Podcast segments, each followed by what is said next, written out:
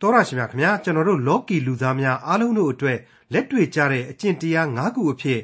ရှာဖွေခြင်းနားခံခြင်းနောက်တို့လိုက်ခြင်းစူးစမ်းခြင်းကျင်လည်ခြင်းဆိုတာတွေကို ဖော်ပြထားတဲ့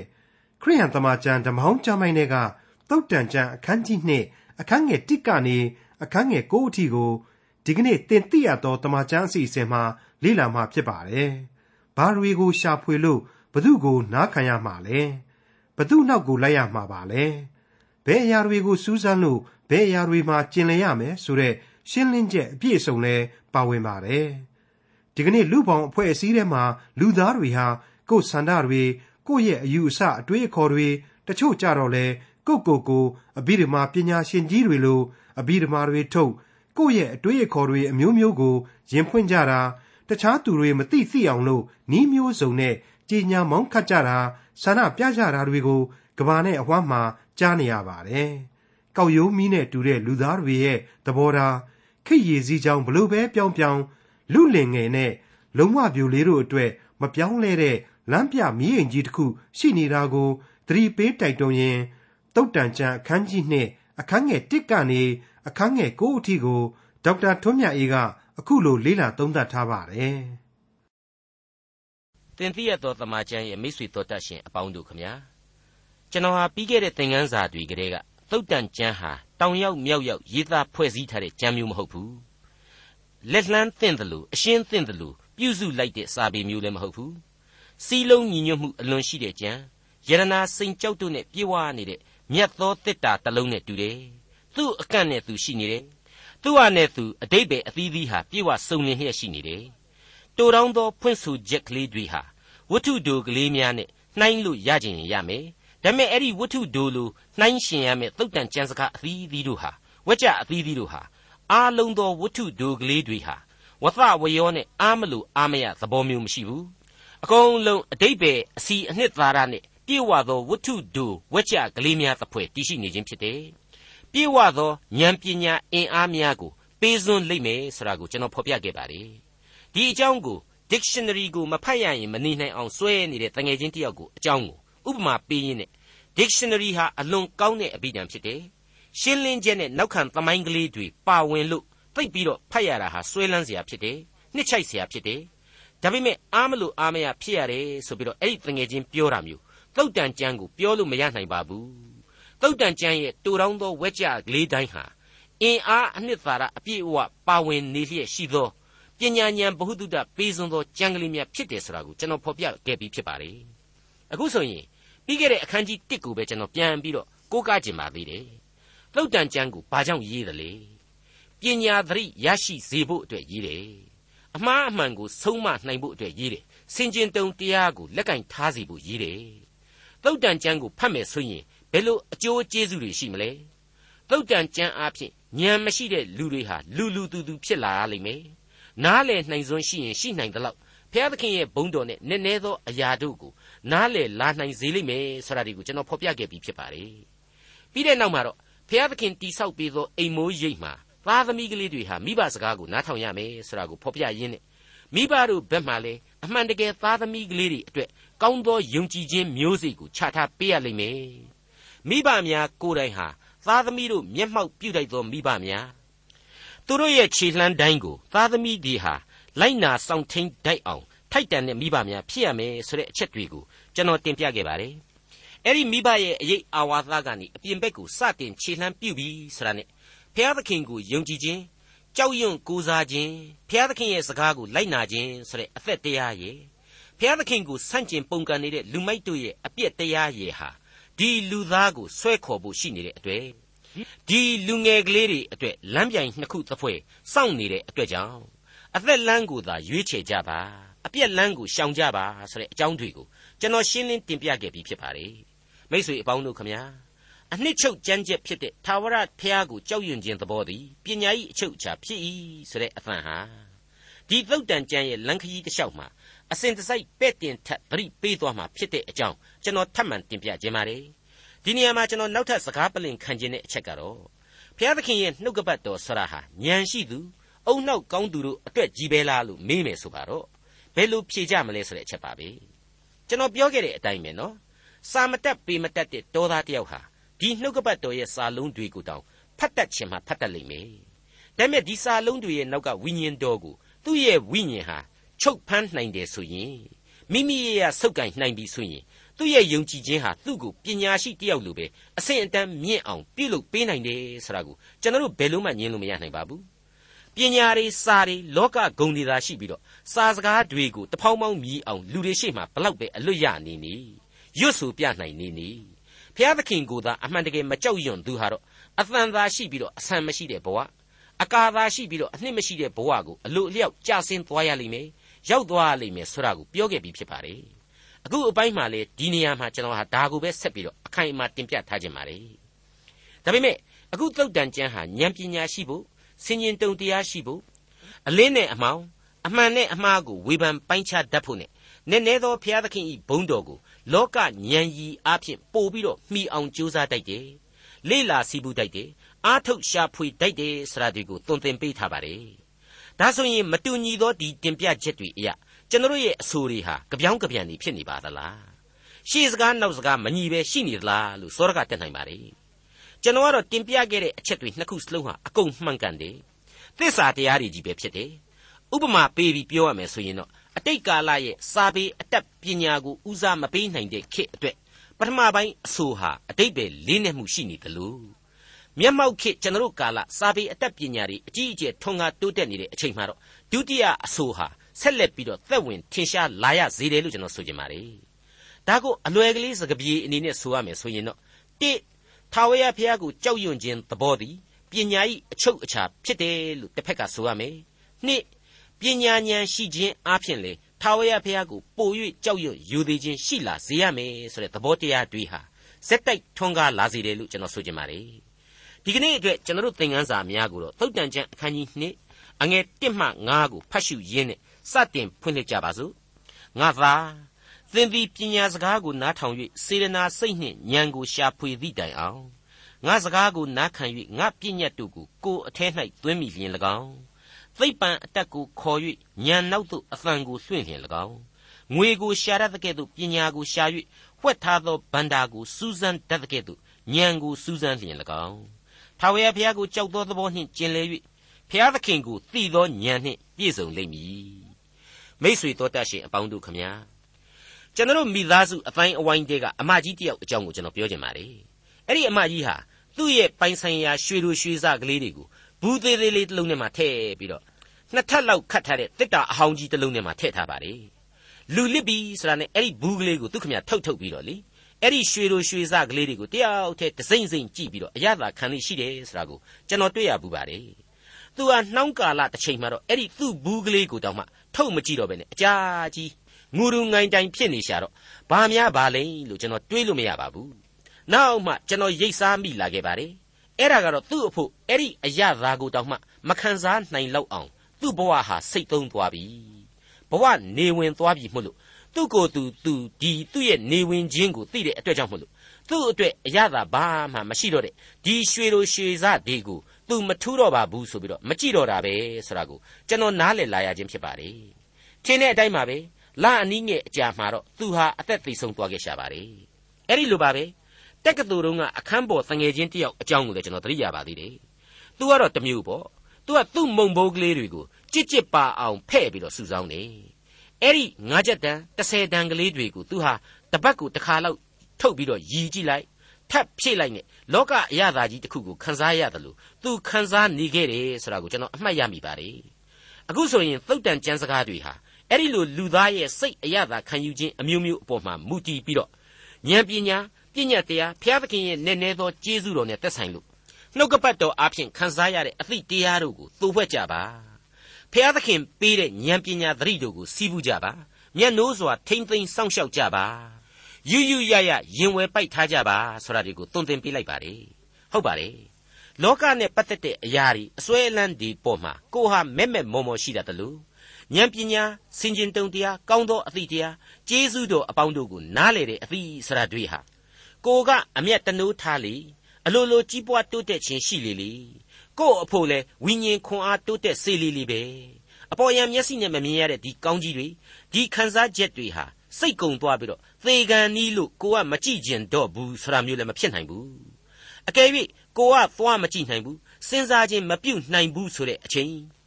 ယိုယွင်းခြင်းအခြေအနေ၌ပင်လျင်ဒီကျေးဇူးတရားနဲ့ဒီအတတ်ပညာအသိပညာဒီစင်ကျင်တုံတရားဒီကောင်းသောအသိတရားကျေးဇူးတော်ကိုနားလေတဲ့အသိဆိုတဲ့အလွန်ကောင်းမြတ်တဲ့မင်္ဂလာတရားတွေဟာကိုယ့်ကိုယ်တစ်လှည့်ပြန်လာပြီးကြည်ကြလိမ့်မယ်လို့ကျွန်တော်ဆိုချင်ပါတယ်ဟုတ်ပါတယ် ပြီးခဲ့တဲ့သင်ခန်းစာမှာပညာဓာတ်ကြီးဖြစ်ရတဲ့မိုက်နေတဲ့ဖယမဲ့ဝါရီတယောက်ဟာအစိတ်အတောက်တွေကိုဖြန့်ပြူပေးနိုင်တယ်လို့ကျေးဇူးတော်ကိုခံယူသူကျေးဇူးတော်ကိုယင်ဝယ်ပိုက်သူဟာမေတ္တာမျိုးစေ့တွေကိုကိုရှင်သန်ရာကာလနဲ့ရှင်သန်ရာဝန်းကျင်အတွင်းမှာမိမိထံမှတဆင့်ပတ်ဝန်းကျင်တစ်ခွင်လုံးအတွက်ဖြန့်ကျက်ပြီးသားဖြစ်တယ်ဝေမျှပြီးသားဖြစ်တယ်အဲ့ဒီလိုအသက်တာမှာအမှတ်တမဲ့ကျဲဖြန့်ခဲ့တဲ့မျိုးစေ့အပေါင်းတို့ဟာ ကိုယ့်ရဲ့လောကီအသက်တာမှာပင်လျင်တနည်းမဟုတ်တနည်းကိုပြန်ပြီးတော့အကျိုးကျေးဇူးများကိုခံစားရစေမယ်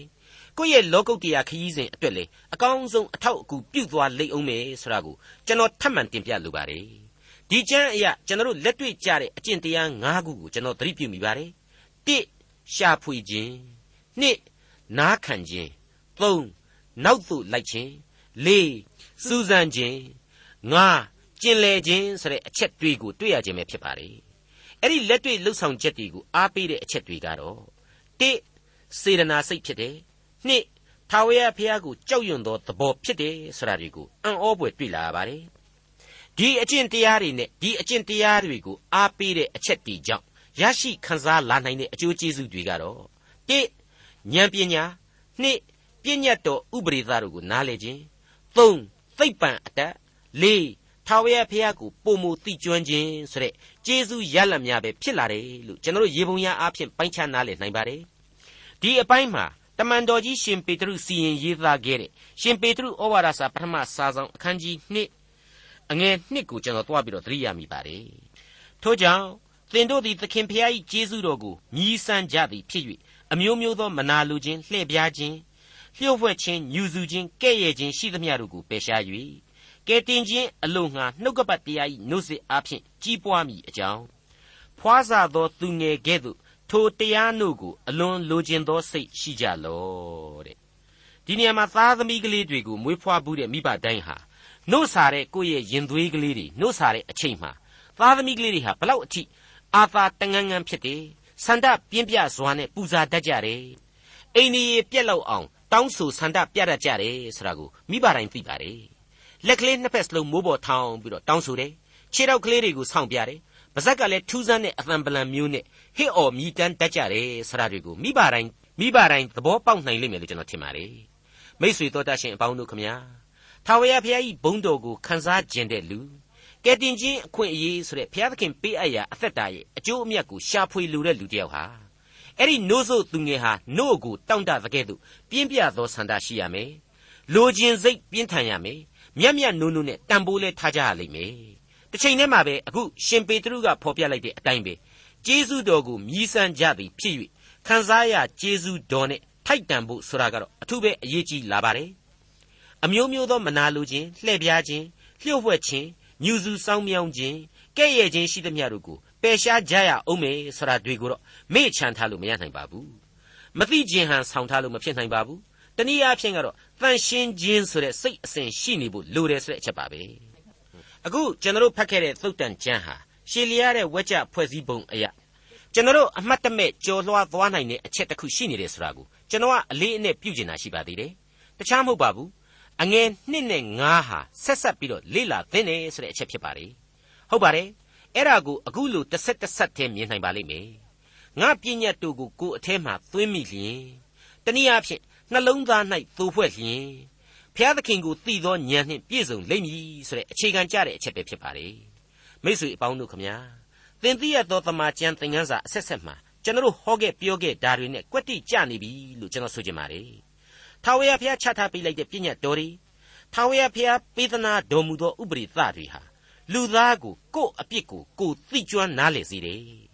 ကိုဟာဥပရိစကားနဲ့ပြောရရင် ဘယ်တော့မှအပြစ်ငရဲနဲ့လွတ်ဖွယ်မရှိတဲ့ကြဆုံးနေသောလူသားအပြစ်ဇာတိပဂရိနဲ့လူသား fallen nature လို့ခေါ်တဲ့ကြဆုံးသောလူသဘာဝနဲ့လူသားသာဖြစ်တယ်ဆိုတာကိုနားလည်စေပြီးတဲ့နောက်ကယ်တင်ခြင်းကျေးဇူးတရားဆိုတာကိုဖဖျားသခင်ထံမှမျှော်လင့်စေဖို့ရန်အတွက်ဒီပြည့်ညတ်တော်အပေါင်းတို့ဟာတိုက်တွန်းအားပေးနေတယ်ဖော်ပြနေတယ်ဆိုတဲ့အချက်ကိုကျွန်တော်ရှင်းခဲ့ပြီးပြီဖြစ်ပါတယ်အခုသုတ်တန်ကျမ်းရဲ့အနှစ်ချုပ်ဟာဒီအချက်ကိုဆက်လက်ဖော်ပြနေတယ်လို့ကျွန်တော်ခံယူပါတယ် ထာဝရဘုရားကိုကြောက်ရွံ့ခြင်းသဘောသည်ပညာ၏အချုပ်အခြာဖြစ်တယ်ဆိုပြီးတော့ဖော်ပြထားပြီးပြီမဟုတ်ဘူးလားဒီတော့ထာဝရဘုရားကိုကြောက်ရွံ့ခြင်းဆိုတာဟာဘုရားသခင်ပေးသနာတဲ့ဥပရိသတွေအရာဘုရားသခင်ကိုကြောက်ရွံ့ဖို့ဘလောက်လိုတယ်ဆိုတာကိုသိလာစေတယ်ကိုဟာဘလောက်အပြစ်ကြီးမားတဲ့လူဘယ်နည်းနဲ့မှကိုဒူးကိုချွန်ပြီးတော့ဒီအပြစ်ကနေမလွတ်နိုင်တဲ့လူဒါကြောင့်မလို့ထာဝရဘုရားသခင်ကိုကြောက်ရွံ့ရမယ်သူ့ကိုယိုသေးရမယ်ဆိုတဲ့သဘောဟာ ပညာ၏အချုပ်အခြာဖြစ်လာစေတယ်လို့ကျွန်တော်ဆိုချင်ပါတယ်ထာဝရဘုရား၏ပညတ်တော်တို့ကိုယင်မာသို့ဝှက်ခြင်းအပြင်ကယ်တင်ခြင်းတရားကိုချထားပေးတော်မူသောဘုရားသခင်ကိုပို၍ပို၍သိကျွမ်းနားလေလာစေတယ်ဆိုတဲ့အချက်တွေးကိုပါကျွန်တော်တို့ရှင်းလင်းပြတ်သားစွာတွေ့လာနိုင်ပါတယ်ဒါဟာသုတ်တန်ကျမ်းတို့ရဲ့အလွန်ထင်ရှားသောအကျိုးကျေးဇူးပဲဖြစ်ပါတယ်သိပ္ပံအတက်ကိုခေါ်၍ညံနောက်သို့လိုက်လျက်အသံကိုလွှင့်လောဆိုတာဟာတကယ်တော့အင်္ဂလိပ်မှာကအခုလိုဖော်ပြထားပါတယ် if thou criest after knowledge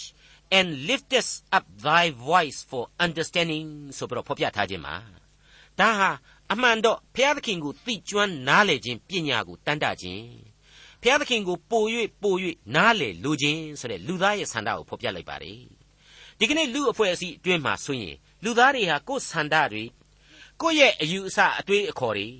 တချို့ကြတော့လေကိုယ့်ကိုယ်ကိုအဘိဓမ္မာပညာရှင်ကြီးတွေလို့ပေါ့ အဘိဓမ္မာတွေတောင်ထုတ်ပြီးတော့အဲ့ဒီကိုယ့်ရဲ့အတွေးအခေါ်တွေအမျိုးမျိုးနဲ့ကိုယ့်ဟာကိုယ်ယဉ်ဖွင့်ကြတာသူတို့ဘာမသိသိအောင်လို့ဤအမျိုးစုံနဲ့ကြင်ညာမောင်းခတ်ကြတာဆန္ဒပြကြတာတွေကိုကဘာအဝမ်းမှာကျွန်တော်တို့ကြားဘူးနေပါတယ်ယေရှုခရစ်တော်ယေရုရှလင်မြို့တော်ကိုဝင်ချိန်မှာလည်းပဲတန်လွင်ကက်ကလေးတွေကိုစီကိုင်းပြီးတော့အဲ့ဒီမြို့တော်သားတွေဟာဒါဝိဒ်သားတော်ဟောရှနဖြစ်စေတည်းလို့ကြွေးကြော်ခဲ့ကြတယ်ဆိုတာဒီကိုကျွန်တော်တို့တွေ့ရပါတယ်တကယ်တော့ယေရှုရဲ့ယေရုရှလင်မြို့ဝင်ချိန်အခမ်းအနားဆရာဟာ ယောမဧကရစ်စီဇာဘရင်ကြီးတွေအောင်ပွဲခံတဲ့ပွဲလို့မဟုတ်တဲ့အလွန်တရာမှသိငယ်တဲ့6တီး6ချက်ပွဲကလေးတစ်ခုသာဖြစ်ပါတယ်ပြီးတော့ကောက်ရိုးမီးနဲ့တူတဲ့လူသားတွေရဲ့ကြွေးကြော်သံတွေဟာအထက်ကကျွန်တော်ပြောခဲ့တဲ့အတိုင်းစစချင်းတော့ဒါဝိဒ်ဤသားတော်ဟောရှနဖြစ်စေတည်းတဲ့ဒါပေမဲ့ဘာမှမကြဘူးတပတ်အတွင်းမှာပဲယေရှုကိုသတ်ပါကားတိုင်းကိုတင်ပါဆိုတဲ့ကြောက်မဲ့ဖွယ်အသံကြီးအဖြစ်အပြောင်းလဲကြီးပြောင်းလဲသွားရတယ်ဆိုတာကိုကျွန်တော်မှတ်မိကြမယ်ထင်ပါတယ် အဲ့ဒီအချိန်တုန်းကသာထာဝရဘုရားကိုကြောက်ရွံ့ခြင်းသဘောထာဝရဘုရားကိုနားလေခြင်းသဘောဘုရားသခင်ဤဘုံတကူအာနုဘော်တော်ကိုသိကျွမ်းသောပညာကိုပေးပါပေးပါဆိုပြီးတော့တူပြိုင်သာဆုတောင်းနိုင်ခဲ့ကြမယ်ဆိုရင်သမိုင်းကြောင်းဟာဘလောက်များကောင်းမွန်ခဲ့လိမ့်မလဲကျက်သေးမင်္ဂလာအပေါင်းနဲ့ခန့်ညောင်းခဲ့လိမ့်မလဲလို့ကျွန်တော်တွေးနေမိပါတယ်မိတ်ဆွေတော်တတ်ရှင်အပေါင်းတို့ခမညာယုံကြည်ခြင်းနဲ့တိဆောက်တဲ့ခရစ်တော်ကိုဦးစားပေးသောအိမ်တောင်တစ်ခုကနေပြီးတော့ အပြင်ကမ္ဘာလောကကြီးတဲ့ကိုထွက်လာတဲ့လူကလေးတယောက်အတွက်သုတ်တန်ကျမ်းရဲ့ဆုံးမသွန်သင်ချက်တွေဟာအခုဆိုရင်အခန်းကြီး2အငယ်9အထိပြီးဆုံးခဲ့ပါပြီအငယ်6မှ9ကိုဆက်လက်လေ့လာကြည့်ကြပါအောင်စို့အကြောင်းမူကားထာဝရဘုရားသည်ပညာကိုပေးတော်မူ၏နားလည်နိုင်သောဉာဏ်သည်နှုတ်ကပတ်တော်အားဖြင့်သာဖြစ်တတ်၏ဖြောင့်မတ်သောသူတို့အဖို့ပညာယရနာကိုတူထားတော်မူ၏တရားသဖြင့်ကျင့်သောသူတို့ကိုကွဲကားတော်မူ၏ မိမိတန်ရှင်းသူတို့သည်တရားလမ်းကိုစောင့်ရှောက်မိအကြောင်းသူတို့၏လမ်းခရီးကိုလုံခြုံစေတော်မူ၏ကျေးဇူးတော်ကြောင့်သာသင်သည်ဖြောင့်မတ်စွာကျင့်ခြင်းတရားသဖြင့်စီရင်ခြင်းလစ်လျူစွာဆုံးဖြတ်ခြင်းမှစ၍ကောင်းသောလမ်းရှိသမျှတို့ကိုသိနာလေလိမ့်မည်ထာဝရဘုရားသည်ပညာကိုပေးတော်မူ၏တဲ့ရှင်းနေတာပါပဲနော်ဟုတ်မှဟုတ်ရဲ့လားဆိုပြီးတော့တချို့တွေ့ဝေသွားကြလိမ့်မယ်လို့လည်းကျွန်တော်ထင်ပါတယ်တချို့တချို့ပြောတာပါပညာဆရာဟာကျောင်းကရတာ ဘဝတက်ကတူကြီးကရတာစသဖြင့်လူသားတွေဟာကြီးကြီးကျယ်ကျယ်တက်ပြီးတော့စဉ်းစားတတ်ကြတော့အဲ့ဒီလူပဲတွေ့ကြဝေကြပြီမပေါ့အတွေးအခေါ်အမျိုးမျိုးနဲ့လေဒါဟာလူသားတွေရဲ့အားနည်းချက်တစ်ခုပါပဲအခုသုတ်တန်ကျမ်းကတော့တစ်ချက်မှအလျှော့မပေးဘူးခေါင်းမာမာနဲ့ပဲပြက်ပြက်သားသားကြီးဖော်ပြလိုက်တယ်ထာဝရဘုရားသည်ပညာကိုပေးတော်မူ၏တဲ့ဟုတ်ပါတယ်ဓမ္မသီချင်းစာအုပ်တွေထဲမှာပြန်ကြည့်လိုက်မယ်ဆိုရင်ကျွန်တော်တို့မြန်မာလိုဓမ္မသီချင်းအမှတ်စဉ်285ကဖော်ပြတဲ့ စိတ်နှလုံးအကျွင်းမဲ့ကိုတော်ကိုယုံကြည်ဆိုတဲ့တေးသံကိုကျွန်တော်ဒီအပိုင်းကလေးမှာသွားပြီးသတိရမိပါတယ်အဲ့ဒီအပိုက်ထဲကအပိုက်နှစ်မှာနှုတ်ကပတ်တော်အားဖြင့်ကိုတော်ကိုယုံနိုင်သည်ဂယုနာအသံတော်မြတ်ငါကြားရပြီဝိညာဉ်တော်သွန်သင်တော်ချိုသာလှပြီခြေတော်ရင်း၌ထိုင်၍နားထောင်လိုပါသည်တဲ့မိษွေတော်တတ်ရှင်အပေါင်းတို့ခမညာဖျားသခင်ရဲ့နှုတ်ကပတ်တော်အားဖြင့်ဖျားသခင်ကိုယုံကြည်နိုင်ကြပါစားဂယုနာတော်အသံတော်မြတ်ကို ကျွန်တော်တို့နားဆွင့်ထောင်နိုင်ကြပါစားဖျားသခင်ရဲ့တန်ရှင်းသောဝိညာဉ်တော်ရဲ့သွန်သင်ခြင်းကိုနာခံပြီးတော့ခြေတော်ရင်းမှာထိုင်ပြီးတော့ဒီဒေသနာတော်ကိုနားထောင်လိုစိတ်ရှိကြပါရဲ့လားဟုတ်ပါတယ်ဖျားသခင်ဟာဝိညာဉ်တော်အဖြစ်သွန်သင်တယ်ဆိုတာယုံကြည်ခြင်းရှိသူအဖို့ယတိပြတ်ဘယ်နည်းဘယ်ပုံဆိုတာကိုပြောလို့တော့မရပါဘူးဒါပေမဲ့အမှန်တကယ်သွန်သင်နေတာပါပဲနေ့ရဲ့အပေါင်းတို့ကသွန်သင်ပါတယ်အဖြစ်အပျက်အပေါင်းတို့ကသွန်သင်ပါတယ် ဘဝအတွေ့အကြုံတွေအားလုံးတို့ဟာလည်းစုပေါင်းပြီးတော့ကျွန်တော်တို့တူးစီကိုသွန်သင်နေစမြဲပဲလို့ကျွန်တော်ခံယူပါတယ်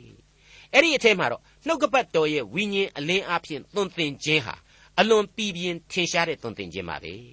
ဒါနဲ့ပတ်သက်လို့ကောရိန္သုဩဝါဒစာပထမစာဆောင်အခန်းကြီး2အငယ်6ကနေ16အထိဖတ်ကြည့်သင့်လာပါတယ်ကျမ်းစာလာသည်နှင့်အညီဖျားသခင်ကိုချစ်တော်သူတို့အဖို့အလို့ငှာဖျားသခင်ပြင်ဆင်တော်မူသောအရာတို့ကိုလူမျက်စိဖြင့်မမြင် နားဖြင့်မကြားစိတ်နှလုံးဖြင့်မကြံစီသေးထိုအရာတို့ကိုဘုရားသခင်သည်မိမိဝိညာဉ်တော်အားဖြင့်ငါတို့အားဖော်ပြတော်မူ၏ဝိညာဉ်တော်သည်ဘုရားသခင်၏နည်းနည်းသောအရာတိုင်အောင်ခတ်သိမ်းသောအရာတို့ကိုစစ်တော်မူ၏လူ၏နည်းနည်းသောအရာကိုလူ၌ရှိသောမိမိစိတ်ဝိညာဉ်မှတပါအဘယ်သူသိသနည်းထိုနည်းတူဘုရားသခင်၏နည်းနည်းသောအရာကိုဘုရားသခင်၏ဝိညာဉ်တော်မှတပါအဘယ်သူမျှမသိငါတို့သည်လောကီဝိညာဉ်ကိုမခံရကြ ဖျားသခင်ပေးတော်မူသောအရာတို့ကိုသိခြင်းအလို့ငှာဖျားသခင်ထံမှကြွလာသောဝိညာဉ်ကိုခံရကြပြီဖျားသခင်ပေးတော်မူသောအရာတို့ကိုငါတို့သည်လူပညာကိုအမိပြု၍နားလေသောစကားနှင့်မဟောတန်ရှင်းသောဝိညာဉ်တော်သည်ဝိညာဉ်နှင့်ဆက်ဆိုင်သောအရာကိုဝိညာဉ်စကားအားဖြင့်ဖွင့်ပြ၍ပဲ့ပြင်တော်မူသောစကားနှင့်ငါတို့သည်ဟောကြ၏ဇာတိပဂရိလူသည်ဖျားသခင်၏ဝိညာဉ်တော်အရာတို့ကိုမခံမယူထိုအရာတို့သည်မိုက်မဲသောအရာဖြစ်သည်ဟုထင်တတ်၏ ထိုအရာတို့ကိုဝိညာဉ်အားဖြင့်သာပိုင်းခြား၍နားလည်နိုင်သောကြောင့်ဇာတိပဂရိလူသည်နားမလည်နိုင်ဝိညာဉ်လူမူကားထိုအရာအလုံးစုံတို့ကိုပိုင်းခြား၍နားလည်တတ်၏သို့တော်လည်းထိုလူကိုအဘယ်သူမျှပိုင်းခြား၍မသိနိုင်ထိုလူကိုသွန်သင်နိုင်မည်အကြောင်းအဘယ်သူသည်ထာဝရဘုရား၏စိတ်တော်ကိုသိသနည်းငါတို့မူကားခရစ်တော်၏စိတ်ကိုခံရကြ၏မိတ်ဆွေအပေါင်းတို့ခမညာခရစ်တော်ဤစိတ်ကိုခံယူ ခရစ်တော်ဤတန်ရှင်းသောဝိညာဉ်တော်ရဲ့သွန်သင်ခြင်းကိုခံယူခရစ်တော်ရဲ့ခြေတော်ရင်းမှထိုင်၍ခရစ်တော်ဤဩဝါဒဖြစ်တဲ့နှုတ်ကပတ်တော်ကိုအစဉ်နားထောင်တဲ့အသက်တာများဖြစ်နိုင်ကြပါစေလို့ဆုတောင်းမေတ္တာပို့သပါတယ်ရုပ်ပိုင်းဆိုင်ရာတိုးတက်ခြင်းတွေအမျိုးမျိုးနဲ့အတူလောကလူသားတို့ရဲ့ဘဝလူအင်ဆန္ဒတွေအမြင်အတွေးတွေဟာအစဉ်တစိုက်ပြောင်းလဲနေပါတယ်ဒါကိုတချို့ကတော့ခိရည်စည်းကြောင်းပြောင်းလဲခြင်းဆိုပြီးတော့သတ်မှတ်ကြတယ်လူလင်ပြိုနဲ့လုံမကလေးတို့အတွက်ဆိုရင် အဲ့ဒီလိုခေရည်စည်းကြောင်းအတိုင်းပြောင်းလဲတာဟာအပြစ်မဟုတ်ပါဘူးဆိုပြီးတော့ပြောကြဆိုကြဒါဒီမျောပါသွားကြဒါဒီကိုကျွန်တော်ယဉ်နှင့်ဘွယ်ရမြင်တွေ့နေကြရပါတယ်ဟုတ်ပါတယ်ခေရည်စည်းကြောင်းဟာမျောရမှာဟာတမတာဖြစ်ပါတယ်ဒါပေမဲ့အဲ့ဒီခေရည်စည်းကြောင်းကြီးနဘေးမှာကတော့ဘယ်သောအခါမှမပြောင်းလဲတဲ့ဖျားသခင်ရဲ့လမ်းပြမိအိမ်ကြီးဟာထီထီမတ်မတ်ရပ်တန့်နေတယ်လမ်းပြနေတယ်ဆိုတာကိုမမေ့ကြဘူးအထူးပဲသတိပေးနှိုးဆော်လိုက်ပါရစေငါသာ သင်သည်ပညာစကားကိုနားထောင်၍စေတနာစိတ်နှင့်ဉာဏ်ကိုရှာဖွေသည့်တိုင်အောင်ငါစကားကိုနားခံ၍ငါပညာတို့ကိုကိုယ်အထဲ၌သွင်းမိလျင်၎င်းသိပ္ပံအတက်ကိုခေါ်၍ဉာဏ်နောက်သို့အဖန်ကိုလွှင့်လျင်၎င်းငွေကိုရှာတတ်တဲ့ကဲ့သို့ပညာကိုရှာ၍ဖွက်ထားသောဗန္တာကိုစူးစမ်းတတ်တဲ့ကဲ့သို့ဉာဏ်ကိုစူးစမ်းလျင်၎င်းထာဝရဘုရားကိုကြောက်သောသဘော၌ကျင်လည်၍ဘုရားသခင်ကိုသိသောဉာဏ်နှင့်ပြည့်စုံလိမ့်မည်အကြောင်းမူကား ထာဝရဘုရားသည်ပညာကိုပေးတော်မူတတ်၏နားလည်နိုင်သောဉာဏ်သည်နှုတ်ကပတ်တော်အားဖြင့်သာဖြစ်တတ်၏ဖြောင့်မတ်သောသူတို့အဖို့ပညာယရနာကိုတူထားတော်မူ၏တရားသဖြင့်ကျင့်သောသူတို့ကိုကွယ်ကာတော်မူ၏မိမိတန်ရှင်းသူတို့သည်တရားလမ်းကိုစောင့်ရှောက်မိအကြောင်းသူတို့၏လမ်းခရီးကိုလုံခြုံစေတော်မူ၏ကျေးဇူးတော်ကြောင့်သင်သည်ဖြောင့်မတ်စွာကျင့်ခြင်းတရားသဖြင့်စီရင်ခြင်းလင့်လျူစွာဆုံးဖြတ်ခြင်းမှစ၍ကောင်းသောလမ်းရှိသမျှတို့ကို သိနာလေလိမ့်မည်ဆုတောင်းကြပါစို့ကောင်းငင်ဘုံ၌ရှိတော်မူ၍ကျွန်တော်တို့တူးစီတို့ကိုချစ်တော်မူသောယေရှုရှင်ဖတ်မြတ်စွာဘုရားသခင်ပညာတရားစင်ကျင်တုံတရားနှင့်ဇရိတဘိုင်းဆိုင်ရာပြုပြင်ဆုံးမဩဝါဒများနှင့်ပြည့်ဝနေသောသုတ်တန်သင်ခန်းစာများကိုကျွန်တော်အားကရောရှင်နှုတ်ကပတ်တော်မှတဆင့်ဖွင့်ပြလျက်ရှိသောကြောင့်ကျေးဇူးတော်ကိုအထူးချီးမွမ်းပါ၏ကရောရှင်ဥဆောင်သောအသက်တာကိုသာရှောက်သွားနိုင်သောသူများဖြစ်၍ ကိုရရှင်တန်ရှင်သောဝိညာဉ်တော်သွန်သင်သည့်အတိုင်းနာခံလျက်ကယ်တင်ရှင်သခင်ခရစ်တော်၏ခြေတော်ရင်း၌တိုးဝင်ချင်းကပ်ရှင်သန်နိုင်သောအသက်တာများဖြစ်ဖို့ရန်အတွက်ကျွန်တော်တူးစီတို့ကိုအစဉ်တစိုက်သတိပေးနှိုးဆော်တော်မူပါအထူးသဖြင့်လူလင်ပြိုများလုံမငယ်များအပေါင်းတို့အတွက်သူတို့၏ဘဝအသက်တာတွင်ကိုတော်ရှင်ကိုအစဉ်တစိုက်ဦးစားပေးသောအသက်တာများဖြစ်ဖို့ရန်ပိုး၍သိကျွမ်းနားလေသောပညာကိုကိုတော်ရှင်ပေးသနာတော်မူပါ ကျွန်တော်တင်ပြရသောတမန်ကျမ်းအစီအစဉ်ကိုအစဉ်နားဆွင့်နေကြသောမိတ်ဆွေသောတာရှင်များတဦးစီတို့အပေါ်မှာလူတို့ကြံစီ၍မမိနိုင်သောညီသက်ချင်းနှင့်ဝမ်းမြောက်ခြင်းကိုတော်ရှင်ကိုသိကျွမ်းသောပညာကိုခန်းစားရရှိဖို့ရန်ကိုတော်ရှင်ကျေးဇူးပြုတော်မူပါမည်အကြောင်းသားတော်ရှင်သခင်ခရစ်တော်၏မဟာနာမတော်မြတ်ကိုအမိပြု၍အလွန်ယိုသေးလေးမြတ်ခြင်းဖြင့်ဆုတောင်းအသနာခံဝန်ပါသည်ဖဖျားအာမင် ဒေါက်တာထွန်းမြတ်ရေးစီစဉ်တင်ဆက်တဲ့တင်ပြရသောတမချန်းအစီအစဉ်ဖြစ်ပါတယ်နောက်တစ်ချိန်အစီအစဉ်မှာခရိယန်တမချန်းဓမ္မဟောင်းကျမ်းိုင်းတွေကတုတ်တန်ကျမ်းအခန်းကြီး2အခန်းငယ်30ကနေအခန်းငယ်22အထိကိုလေ့လာမှာဖြစ်တဲ့အတွက်စောင့်မျှော်နားဆင်နိုင်ပါတယ်။